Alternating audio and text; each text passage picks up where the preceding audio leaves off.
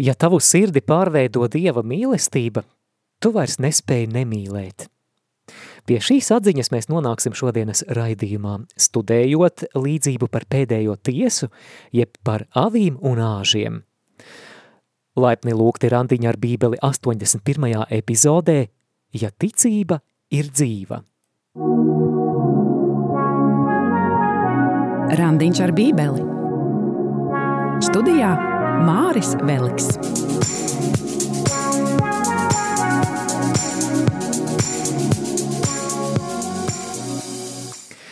Tā, ja iespējams, atveram Mateja evaņģēlija 25. nodaļu, kuru mēs arī šodien pabeigsim studēt, Mateja 25, un mēs lasīsim no 31. līdz 46. pantam. Vispirms atgādināšu, ka jau vairākas nedēļas pēc kārtas mēs studējam tā saucamo Jēzus Olīvkalna runu, jeb eshatoloģisko runu, kas lasāma Mateja evaņģēlija 24. un 25. nodaļā Tur bija runa par laiku beigām, vairākas līdzības par to, kā būt gatavam Jēzus otrajai atnākšanai, otrajai atnākšanai. Un šī runa noslēdzas un sasniedz savu kulmināciju tieši ar tekstu, kuru mēs lasīsim šodien. Šeit būs runa par Jēzus otro atnākšanu pēdējās tiesas kontekstā.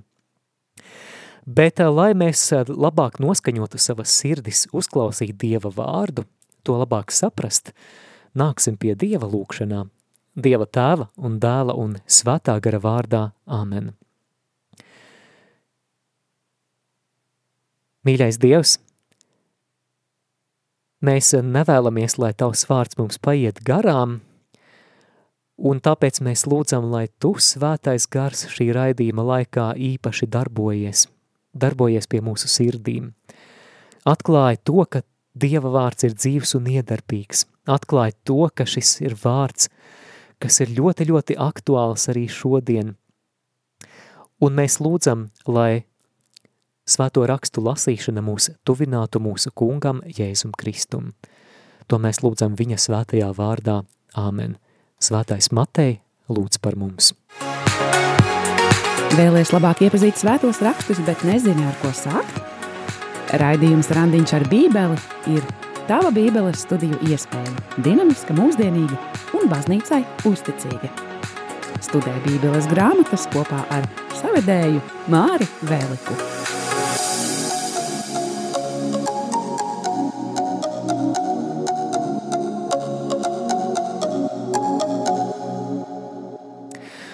Paldies arī Edmundam Puzulim, kurš ir daļa no šī raidījuma komandas. Paldies par ierunātajiem Mateja evaņģēlija fragmentiem. Bet šajā brīdī sākam lasīt Mateja 25, 31. Bet, kad cilvēka dēls nāks savā godībā un viņa eņģeļi līdz ar viņu, tad viņš sēdēs uz savu godības troņa. Cilvēka dēls nāks godībā ar eņģeļiem un sēdīsies savā godības tronī, lūk tā Jēzus atpraksta savu otro atnākšanu laiku beigās. Bet uzkavēsimies vispirms pie vārdiem cilvēka dēls nāks savā godībā. Pievērsiet uzmanību, cik atšķirīga būs Jēzus otrā atnākšana no pirmās. Pirmā atnākšana, protams, kā jau tu saproti, ir Jēzus iemiesošanās un piedzimšana – Un diez vai pirmo atnākšanu mēs varētu raksturot kā atnākšanu godībā, vai ne? Piemēram, vecākiem brīdī, kad Marijai ir pienācis laiks dzemdēt, neatrodas vieta nevienā Bētlemes viesnīcā. Tāpēc Jēzus piedzimst kādā grotā, jeb lopu kūtī, un ķēniņa gultas vietā viņš tiek guldīts silītē. Vēlāk Jēzus aug nevis karaļa galmā, bet vienkārša galdnieka ģimenē nācaretē. Teoloģijā to sauc par Jēzus iztukšošanos, jeb lietosim gudru sengrieķu vārdu genozi. Jēzus iztukšošanās jeb genoze. Pāvils vēstulē Filipiešiem otrajā nodaļā rakstīja, ka Jēzus, būdams Dieva veidā, iztukšoja, jeb grieķiski ekenosein, pats sevi, viņš iztukšoja pats sevi pieņemdams kalpa veidu, kļūdams cilvēkiem līdzīgs. Kā tas ir? Jēzus ir patiesas Dievs, viņš ir trīsvienības otrā persona. Un tomēr iemiesodamies, ja kļūdams par mazu bērniņu Marijas miesās, viņš atbrīvoja sevi vai iztukšoja sevi no savas dievišķās godības jebkādām ārējām izpausmēm. Viņš atstāja savu debesu spožumu, kas viņam piemita kopš mūžības, atstāja sevis, lai ne ar ko neatšķirtos no tevis. Jā, tātad viņš atstāja savu debesu spožumu aiz sevis, lai ne ar ko neatšķirtos no tevis, vienkārša cilvēka. Un visi cilvēciskās dabas ierobežojumi attiecas uz viņu tagad. Viņš varēja nogurt, viņam ik pa laikam nāca miegs, viņš varēja būt izsalcis. Un, kad vēlāk Jēzus tiks šaustīts un sists krustā, viņš piedzīvos arī smagu, smagu sāpju agoniju. Viņš ir tāds pats kā mēs. Šis Jēzus godības mirdzums, kas viņam piemita jau kopš mūžīgiem laikiem, ir kā apslēpts šajā cilvēciskajā nabadzībā, kā apustulis Pāvils rakstīja otrajā vēstulē korintiešiem, ka Kristus jūsu dēļ kļuva nabaks, lai jūs viņā kļūtu bagāti. Jā, jau uz brītiņu, uz brītiņu gan šī godība atklājās Jēzus pārveidošanās notikumā kalnā, un starp citu šo evaņģēliju mēs šo svētdien dzirdēsim mises laikā par Jēzus pārveidošanos. Jo tas ir brīdis, kad šķiet, ka it kā priekškars uz brīdi tiek atvilkts, un mācekļi Jēzu ierauga viņa godības spožumā. Wow! Fascinējoši! Bet tas ir tikai īsts mirklis – Pārējā laikā Jēzus godību apslēpi vienkārša cilvēka veidolas. Tātad šāda ir pirmā atnākšana. Bet cik gan atšķirīga būs Jēzus otrā atnākšana? Vēlreiz nolasīsim 31. pantu. Bet, kad cilvēka dēls nāks savā godībā, un viņa eņģeļi līdz ar viņu, tad viņš sēdēs uz savu godības troņa. Lūk, kā Jēzus cilvēka dēls nāks otrais, viņš atnāks mirdzošā, majestātiskā krāšņumā. Viņu pavadīs eņģeļu miljardi, eņģeļu pulki. Viņš sēdīsies savā godības tronī, lai valdītu, un visiem, kas viņu redzēs, elpā aizrausies. Man ļoti patīk, kā svētais Kirils no Jeruzalemes, viens no 4. gadsimta izcilajiem baznīcas tēviem, par to raksta. Citāts. Mēs nesludinām tikai vienu Jēzus atnākšanu, bet arī otru, daudz lielākas godības pilnu nekā pirmā. Jo, ja pirmā atnākšana atklāja viņa pacietību, tad otrā nesīs dievišķās karaļvalsts kroni. Pirmajā atnākšanā viņš tika ietīts autiņos silītē – Otrajā atnākšanā viņš būs tērpies gaismā kā tērpā. Savā pirmajā atnākšanā viņš pacieta krustu par kaunu nebēdājot. Savā otrajā atnākšanā viņš atklāsies godībā eņģeļu pulku pavadīts. Tātad mēs raugāmies tālāk par viņa pirmo atnākšanu un gaidām otro. Viņa pirmajā atnākšanā mēs saucām svētīgs, kas nāk kunga vārdā – Otrajā mēs to atkārtosim atkal. Līdz ar eņģeļiem mēs dosimies satikt mūsu kungu un iesauksimies pielūgsmē, svētīgs, kas nāk kunga vārdā. Lūk, cik radikāli atšķirīga un pārsteidzoša būs Jēzus otrā atnākšana –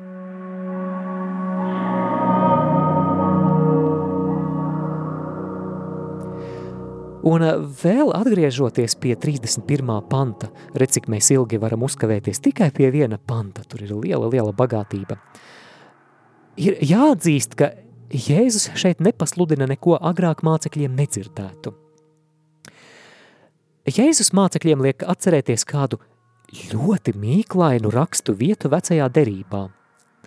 Un tā ir pravieša Daniela noslēpumainā vīzija, Daniela grāmatas 7. nodaļā. Lasīšu no 13. panta. Kamēr es vēroju nakts parādības, redzi, kā debesu padebešos nāca kāds kā cilvēka dēls savā izskatā. Tas pienāca pie cienījamā sirmgalvja un to nostādīja sirmgalvja priekšā. Viņam tad tika piešķirta vara, godība un valdīšana. Tā, ka viņam pakļāvās visas tautas, tautības un valodas. Viņa vara ir mūžīga. Viņa ķēniņa valsti neviens nekad nevar iznīcināt. Lūk, un tagad ir skaidrs, kā šī sen senos laikos pravietim Daniēlam atklātā vīzija piepildīsies. Tas notiks Jēzum atnākot otrais. Un mēs pat iztēloties nespējam, cik varena, iespaidīga, pārsteidzoša, bijību iedvesoša būs cilvēka dēla otrā atnākšana, atnākšana godībā. Tātad Jēzus nāks kā karalis. Mēs dzirdējām, ka viņš apsēžas savā godības tronī, bet ne tikai kā karalis. Viņš nāks arī kā tiesnesis. Lasām no 32. panta. Un visas tautas tiks sapulcinātas viņa priekšā, un viņš tās šķirs vienu no otras, kā gans šķir avis no āžiem, un stādīs avis pa savu labo, bet āžus pa kreiso roku. Par pirmo Jēzus atnākšanu apustulis Jānis rakstīja, ka cilvēka dēls nav nācis, lai pasauli tiesātu, bet lai pasaule caur viņu tiktu glābta. Jāņa 3.17. Un tagad mēs dzirdam, ka otrā atnākšana būs pavisam citādāka. Šoreiz gan viņš nāks kā tiesnesis. Dieva dotais iespējas laiks izlīgt ar viņu, sakārtot attiecības ar viņu, reiz būs iztecējis – un cilvēki no visām valodām, tautām un tautībām stāsies Jēzus kā tiesneša priekšā. Gan tie, kas Jēzus otrās atnākšanas laikā vēl būs dzīvi, gan tie, kuri visos iepriekšējos gadu tūkstošos jau būs aizgājuši mūžībā, tie augšām celsies, lai stātos tiesneša krēsla priekšā, lai atbildētu par to, kā dzīves laikā ir atsaukušies Jēzus labajai vēstīja. Reiz mums katram dzīvē būs jādod norēķins Dieva priekšā. Lūk, ko par to, kas par to ir teikts katoliskās baznīcas katehismā. Citāts. Kad laiku beigās Kristus savā godībā atnāks tiesāt dzīvos un mirušos, viņš atklās siržu noslēpumus un atalgos ikvienu cilvēku pēc viņa darbiem – un pēc tā, vai viņš pieņēma vai noraidīja žēlastību.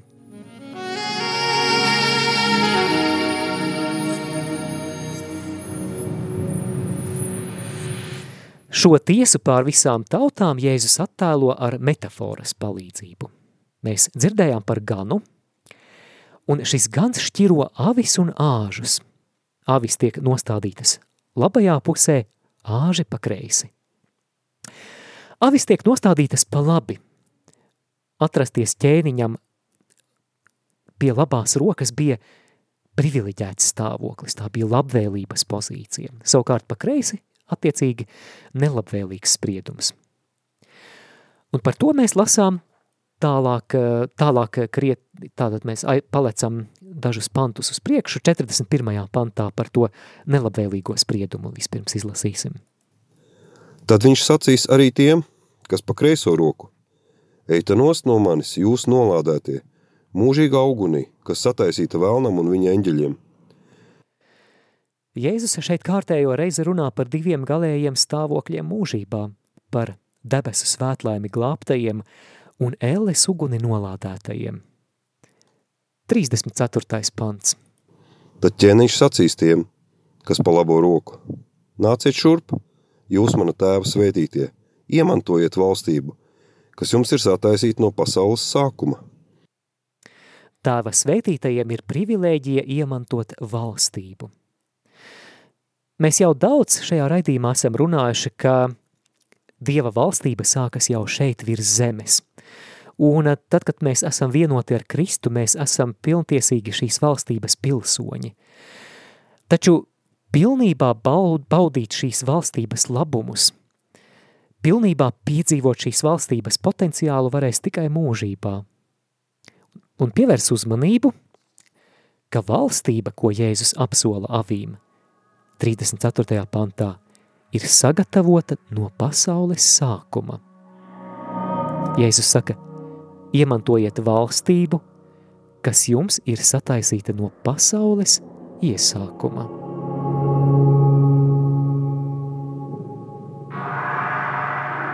Ļoti interesanta doma. Mīļo klausītāji, Dievs par tevi domāja jau kopš mūžīgiem laikiem. Tu neesi viņam nejaušs pārsteigums. Jau kopš mūžības viņš zināja, kāds tu būsi, kad tu būsi. Viņš zināja tavu vārdu. Tu esi Dieva gribēts, tu esi Dieva mīlēts jau pirms mūžības. Dievs tevi zināja vēl pirms pasaules radīšanas. Par to mēs varam pārliecināties, piemēram, lasot efeziešiem pirmās nodaļas ceturto pantu. Viņā, jeb Kristū, tas, jeb Dievs mūs, pirms pasaules radīšanas izredzējis. Es uzsveru šo, pirms pasaules radīšanas izredzējis, lai mēs būtu svēti un nevainojami viņa priekšā mīlestībā.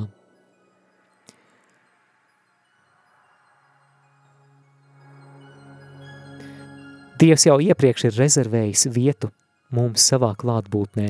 Jautājums ir, vai mēs to pieņemsim? Bet tulīt arī lasīsim tālāk no 35. panta, un šeit Jēzus avīm atklāja, kāpēc tās saņēmušas tik labvēlīgu spriedumu. Jo es biju izsalcis, un jūs man esat pāēdinājuši. Es biju izslāpis, un jūs esat mani dzirdinājuši. Es biju svešinieks, un jūs mani uzņēmuši. Es biju kails, un jūs mani esat apģērbuši. Es biju slims, un jūs mani esat apmeklējuši. Es biju cietumā, un jūs esat nākuši pie manis. Tātad viņi ir pabarojuši Jēzu, padzirdījuši Jēzu, uzņēmuši Jēzu, apģērbuši Jēzu, apmeklējuši Jēzu. Nu, bet kā varētu jautāt, vai, vai tiešām to viņi ir darījuši pašam Jēzum? Pārsteigti ir arī paši taisnie. Tad taisnie atbildēs viņam un sacīs, kungs, kad mēs esam tevi redzējuši izsalkuši un tevi pāidinājuši, vai izslāpuši un tevi dzirdinājuši, kad mēs esam tevi redzējuši kā svešinieku un tevi uzņēmuši, vai kailu un tevi apģērbuši, kad mēs esam tevi redzējuši slimu vai cietumā un nākuši pie tevis. Un lūk ķēniņa atbilde 40. pantā. Tad ķēniņš tiem atbildēs un sacīs, patiesi es jums saku, ko jūs darījuši vienam no šiem maniem vismazākajiem brāļiem, to jūs esat man darījuši. Jā, interesanti. Tātad, ja tu esi pabarojis vismazāko brāli vai māsu, tu esi pabarojis Jēzu. Ja tu esi padzirdījis vismazāko brāli vai māsu, tu esi padzirdījis pašu Jēzu. Un tagad iedomājies, kā būtu, ja Jēzus šos vārdus teiktu tieši tev. Piemēram, brālīt, paldies, ka svētdienās dodoties uz svēto misi, tu mēdzi ar savu auto arī aizvest uz baznīcu savu gados veco kaimiņieni, kurai citādāk varbūt nebūtu iespējas tikt uz dievkalpojumu. Zini, ka tu to esi izdarījis man. Vai māsiņ, paldies tev par tavu brīvprātīgo darbu draudzes zupas virtuvē. Tu pasniedzi zupas šķīvi maznodrošinātajam, bet patiesībā tu to pasniedzi man un es to ļoti, ļoti novērtēju. Vai Jēzus varētu teikt, māsiņa, vai atceries to brīdi, kad tu devies no baznīcas mājup, un tu redzēji ubagu pie baznīcas? Jā, sākumā tu it kā pagāji garām, šaupījies, bet tomēr nebeidzi par viņu domāt un nolēmi atgriezties atpakaļ un iemest divus eiro viņa raupjajā plaukstā – Vai zini, māsiņ, ka tu to izdarīji man?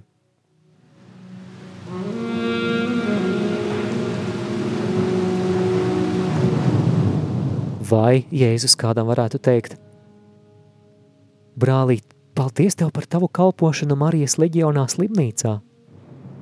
Tu uzrunāji slimniekus. Es atceros, kā dažiem no viņiem tu palīdzēji nokļūt slimnīcas kapelā. Tu pat nevari iedomāties, ko man tas nozīmēja. Vai, māsiņ, paldies, ka kādu laiku savā privātmājā tu izmitināja bēgļu ģimeni no Ukrainas. Man tas nozīmē tik daudz. Tu man to esi darījusi. Patiesi es jums saku, ko jūs esat darījuši vienam no šiem maniem vismazākajiem brāļiem, to jūs man esat darījuši. Laiks mūzikas pauzītē, laiks pārdomāt nu pat dzirdēto, pavisam drīz atgriezīšos ēterā, lai turpinātu. Ja tev ir kādi komentāri, kādas pārdomas par šo tēmu, droši var iesaistīties ēterā raksti vai zvani uz studijas kontaktiem, kontaktinformāciju.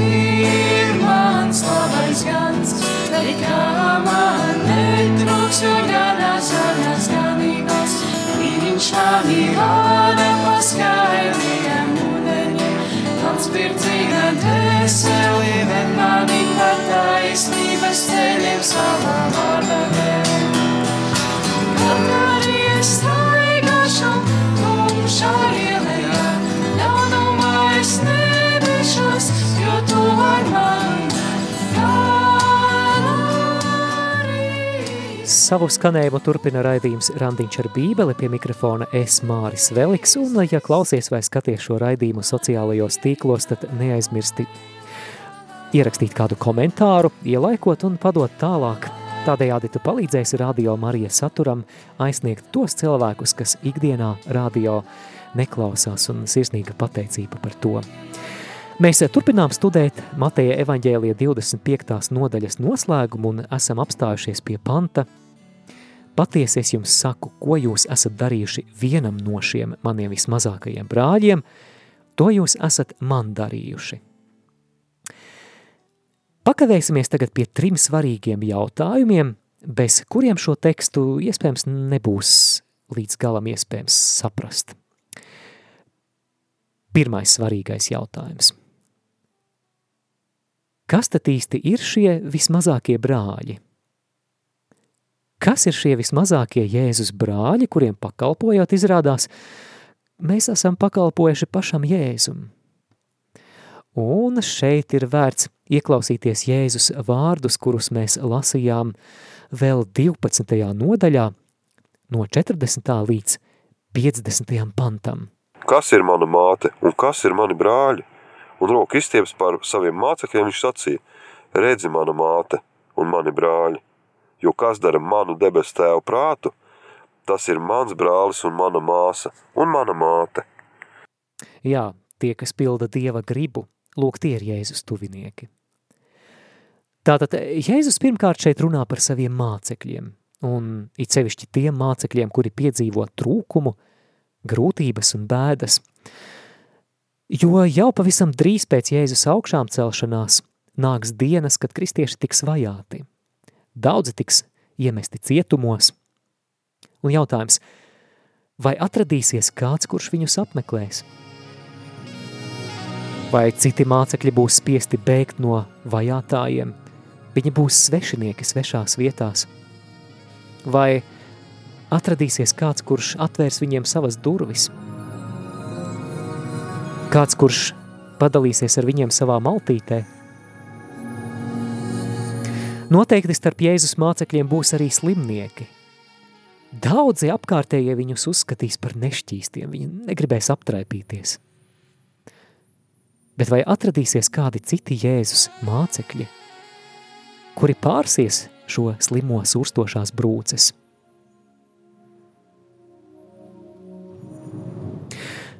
Mēs redzam šajā fragmentā, ka tieši šī praktiskā tuvāk mīlestība pret brāļiem un māsām Kristū atšķir avis no āžiem. Un patiesībā Jēzus par kaut ko līdzīgu jau runāja arī Mateja evaņģēlija desmitajā nodaļā no 41. panta. Kas uzņem pravieti praviešu vārdā, tas dabūs praviešu algu, un kas uzņem taisnu taisnu vārdā, tas dabūs taisnā algu, un kas dzirdinās vienu no šiem vismazākajiem tikai ar biķeri augstu ūdens, mācekļu vārdā patiesi es jums saku, tam sava alga nezudīs.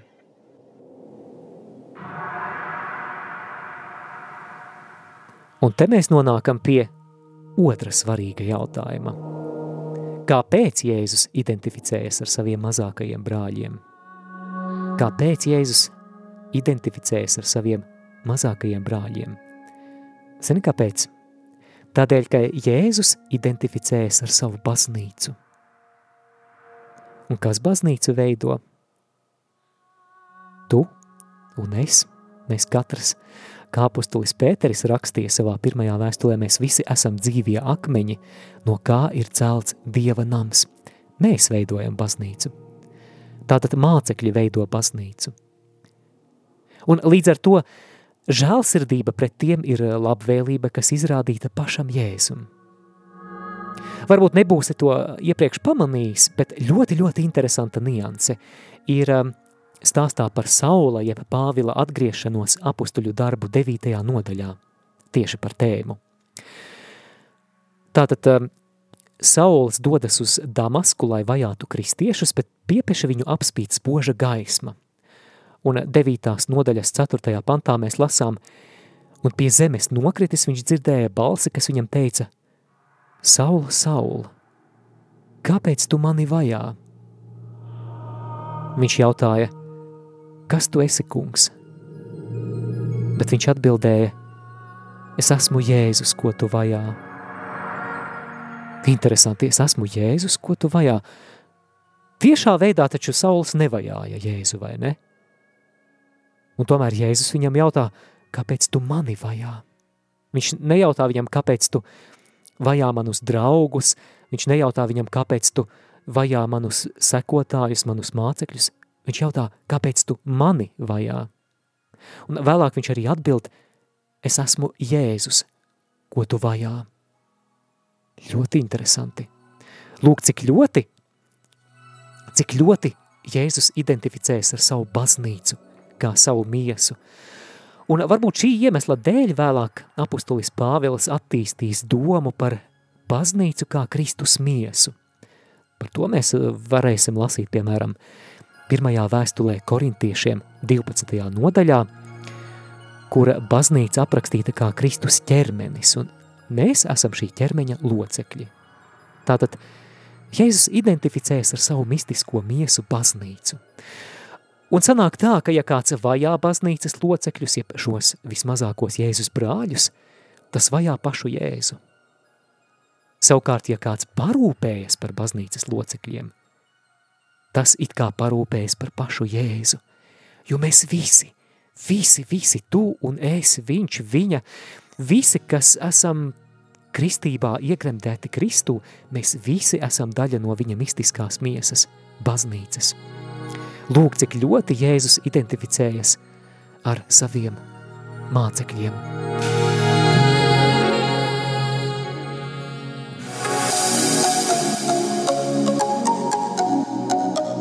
Skan Randiņš ar bībeli.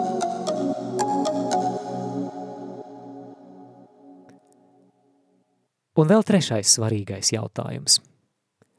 Vai nu pat dzirdētā rakstu vieta ir par to, ka mēs tiekam glābti caur labiem darbiem? Galu galā mēs dzirdējām, ka Jēzus taisnos uzslavē par labo, ko tie darījuši. Atbilde ir nē, nē un vēlreiz nē. Pie secinājuma par glābšanu caur darbiem mēs varētu nonākt tad, ja mēs šo rakstu vietu lasām ārpus konteksta, ja mēs to interpretējam atrauti no visiem svētajiem rakstiem kopumā. Šāda interpretācija nozīmētu ignorēt pārējo jauno derību. Un tad varētu jautāt, kur tad vēsts par Kristus upura nozīmi mūsu grēku izpirkšanā? Atcerēsimies, ka jau Mateja evaņģēlijā 20, 28 ir sacīts. Tā kā cilvēka dēls nav nācis, lai viņam kalpotu, bet ka viņš kalpot un atdot savu dzīvību, kā atpirkšanas maksu par daudziem. Atpirkšanas maksu par daudziem. Kāda jēga būtu šai atpirkšanas maksai, ja savu pestīšanu mēs varētu nopelnīt paši ar žālsirdības darbiem? Kāda, jēza, kāda Jēzus upurim pie krusta vispār tad jēga būtu? Vai, piemēram, kur tad jaunās derības vēsts par žēlsirdību kā, kā žēlastību, kā bezmaksas dāvanu?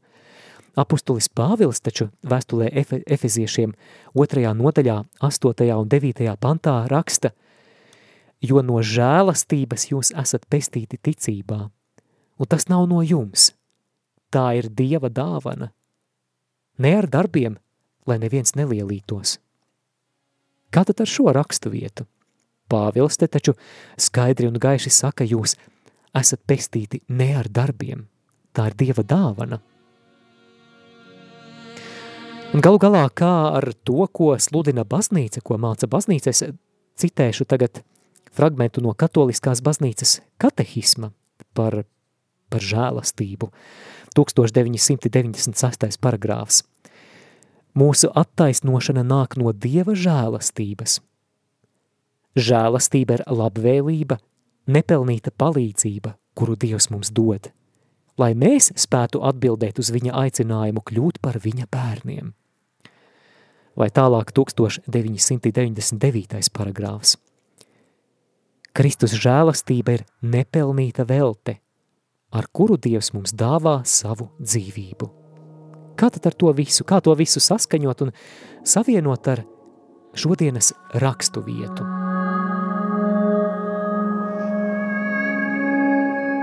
Un lūk skaidrojums.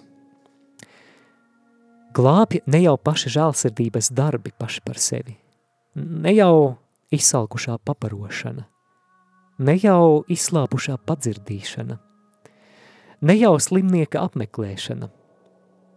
Bet ko nozīmē šie žālsirdības darbi?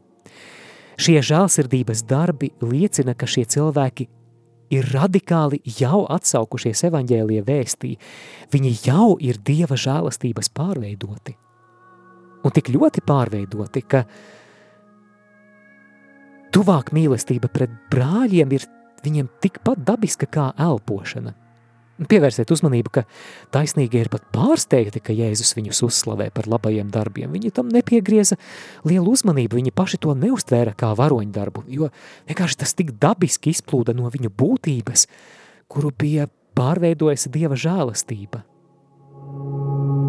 Tātad viņi nav izpelnījušies Dieva žēlastību ar saviem darbiem. Nē. Bet labie darbi ir zīme tam, ka viņi jau ir pilnībā pieņēmuši Dieva bezmaksas žēlastību. Un žēlastība pārveido. Žēlastība dod spēku labajam. Žēlastība pamudina uz labo. Žēlastība palīdz mīlēt Dievu un tuvāko. Tātad labie darbi šeit nav glābšanas izpelnīšanās.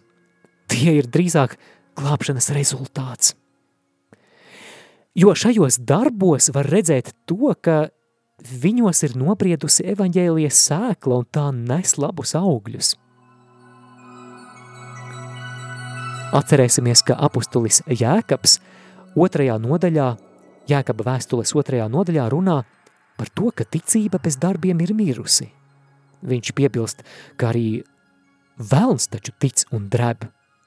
Bet šī ticība viņos, viņā nerada izmaiņas, viņš tai neatsaucas.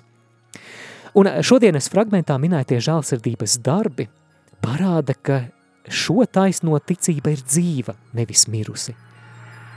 Dzīva ticība. Tāpēc arī šīs epizodes nosaukums ir Ja ticība ir dzīva. Un tā ir glābjoša ticība. Viņi mīl Dievu, bet viņi mīl arī tuvāko. Un, starp citu, Dievu nevar mīlēt, nemīlot savu tuvāko. Apustulis Jānis pirmajā vēstulē 20. pantā raksta, Ja kāds saka, es mīlu Dievu un ienīst savu brāli, tad viņš ir melis. Jo kas nemīl savu brāli, ko viņš ir redzējis, nevar mīlēt Dievu, ko viņš nav redzējis. Un šis bauslis mums ir no viņa, ka tam, kas mīl Dievu, būs mīlēt arī savu brāli. Tātad viņu mīlestība uz Dievu, šo, šo avju mīlestība uz Dievu, dabiski izpaužas mīlestībā uz cilvēkiem – Tātad viņi ir tie, kas pilnībā ir uzticējušies Jēzum. Viņi ir pieņēmuši Dieva žēlastību, un tas dabiski tagad izpaužas praktiskā tuvāk mīlestībā. Un tāpēc Jēzus viņiem saka, nāciet šurp jūs mana tēva svētītie, iemantojiet valstību, kas jums ir sataisīta kopš pasaules iesākuma.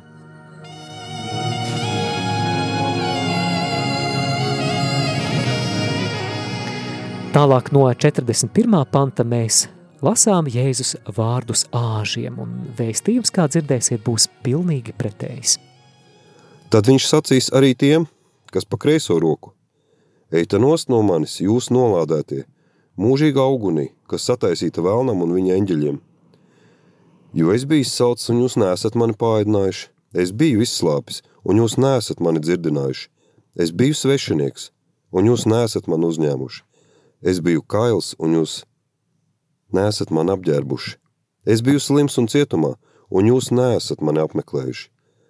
Tad tie arī dzen viņam atbildēs un sacīs, kungs, kad mēs esam tevi redzējuši izsalkuši vai izslāpuši, vai kā svešinieku, vai kailu, vai slimu, vai cietumā, un neesam tev kalpojuši.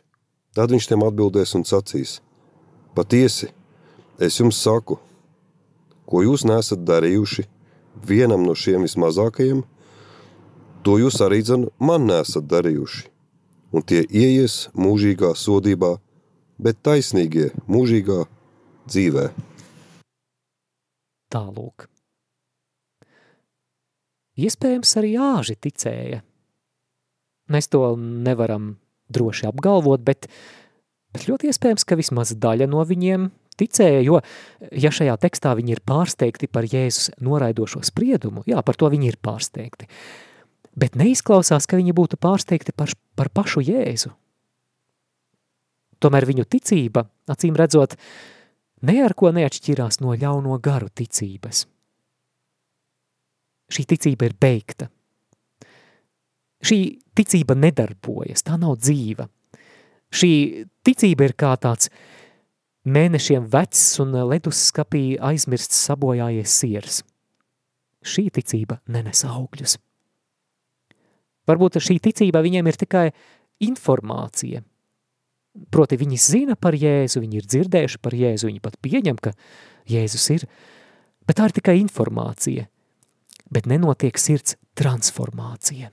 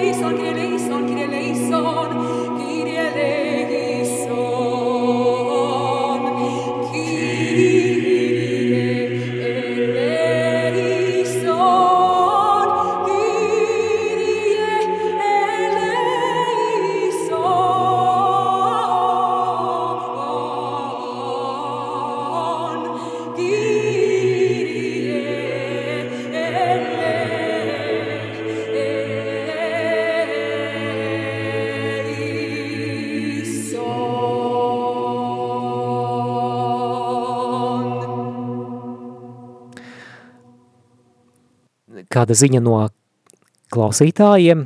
Paldies par brīnišķīgo tēmu, kas ir kā atbilde uz manas sirds jautājumu.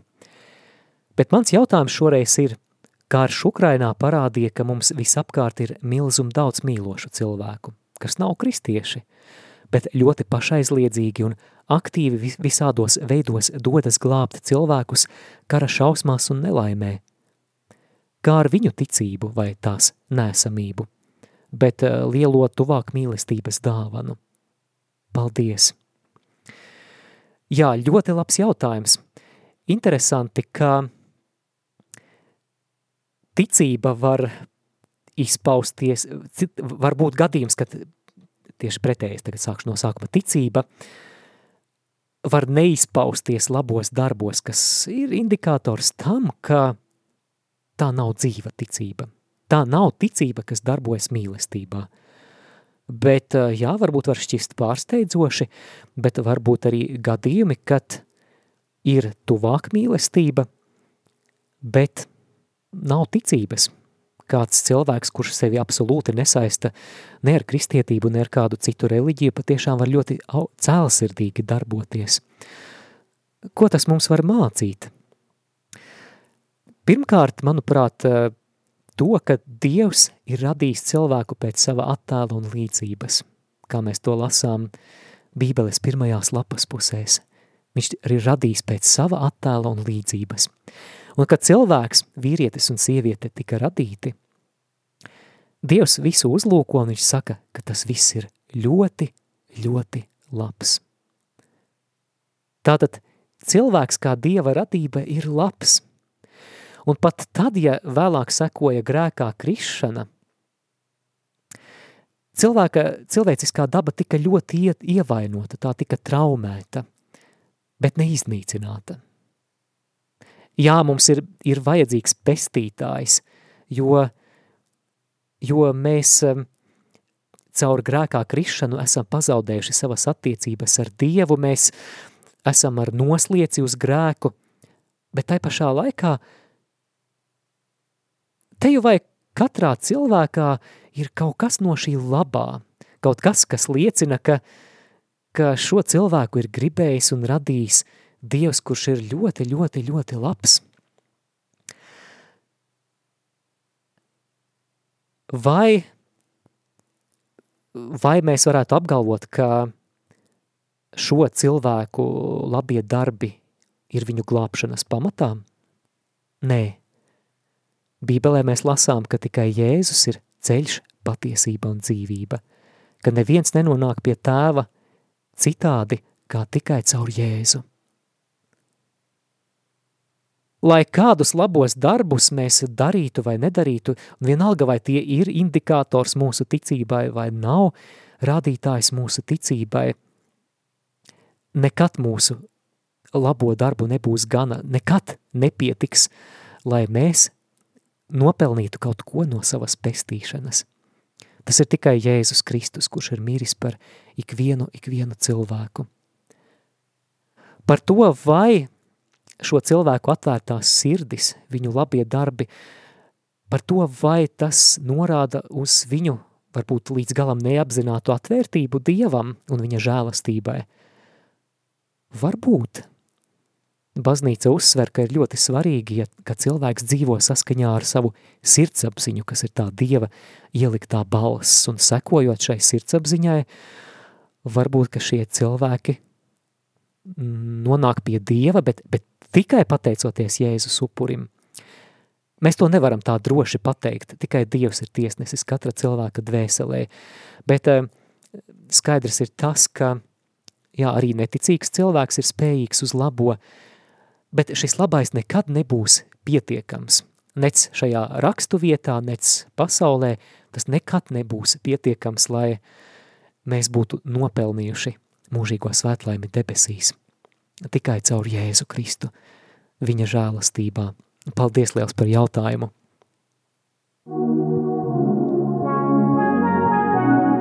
Kā dzirdētais attiecas uz manu dzīvi?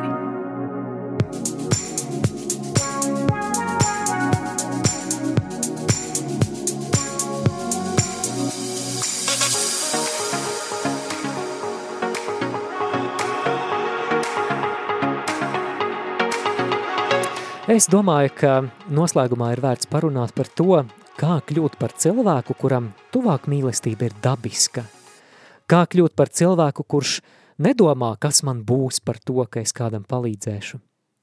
Kā, kļūst, kā kļūt par cilvēku, kura ticība plūst pāri tuvāk mīlestības darbos. Un man šķiet, jā, es pareizi teiktu, ja uh, ja es teiktu, darīsim to, kas ir minēts šajā rakstu vietā. Pabarosim izsalkušo, padzirdīsim izslāpušo, apģērbsim kailo, uzņemsim svešinieku. Jā, tādējādi es būtu teicis visu pareizi, bet tomēr ir kāda, manuprāt, svarīgāka lieta, kas ir visa pamatā – Un man šķiet, ka vispirms mums pašiem ir nepieciešams piedzīvot Jēzus beznosacījuma mīlestību. Ja Dieva mīlestība pārveido tavu sirdi, tu vairs nespēji nemīlēt. Ja? ja Dieva mīlestība pārveido tavu sirdi, tu vairs nespēji nemīlēt. Mēs te jau runājām par ticīgajiem, par neticīgajiem. Jā, arī neticīgais var mīlēt, bet var arī nemīlēt. Arī kristietis var nemīlēt. Bet tad, kad Dieva mīlestība pārveido sirdi, tu vairs nespēji nemīlēt. Brāli, māsa, ļauj šai mīlestībai tevi pārveidot. Gaidi uz kungu. Tu vari lūgt savā lūkšanā šajā nedēļas nogalē, atrodi laiku Dievam, meklē viņa klātbūtni un lūdz, Dievs iekremdē mani savā mīlestībā, piepildi mani pilnībā ar savu mīlestību vēlreiz. Ļauj man noticēt līdz galam tavai mīlestībai, lai tā vairs nav tikai informācija manā galvā, lai tā ir daļa no manas būtības, lai tas pilnībā caurauž manu sirdi. Un tad, kad tu esi iegremdēts Dieva beznosacījuma mīlestībā, tad aicinājums pabarot izsalkušo, padzirdīt izslāpušo – apmeklēt cietumnieku, tas vairs nav likums, kas jāizpilda ķeksīša dēļ. Tuvāk mīlestība vienkārši plūst pāri, kā upe pavasara palos. Lūksimies. Kungs Dievs, es lūdzu par katru brāli un māsu, arī pats par sevi. Kungs dod mums šo dziļo atklāsmi par tavu mīlestību – bet mūs dziļāk tavas mīlestības iepazīšanā. Atklāj to, ka mēs esam bez nosacījumiem mīlēti, ka tava mīlestība ir tik reāla, tik īsta, ka nekas to nevar mazināt un nekas to nevar palielināt. Kungs, tavā vārtā ir teikts, ka Dieva mīlestība caur svēto garu ir ielieta mūsu sirdīs. Kungs, Dievs, es lūdzu, izlai savu mīlestību mūsos caur svēto garu. Es lūdzu, lai tagad tik viens, kas šo raidījumu klausās, sajustos mīlēts. Dārgā māsa, Dievs tevi ļoti, ļoti mīl. Dārgais brāli, Dievs tevi ļoti, ļoti mīl. Viņš vēlas tevi apskaut. Ļaujies viņa mīlestībai. neaizmirsti par viņa mīlestību. Domā par to, kontemplē, ilgojies pēc tās, atpūties tajā, peldies tajā, ieelpo to, izelpo to. Satver šo Dieva mīlestību, tā ir priekš tevis, tā ir priekš tevis saņem to Jēzus Kristus vārdā. Āmen!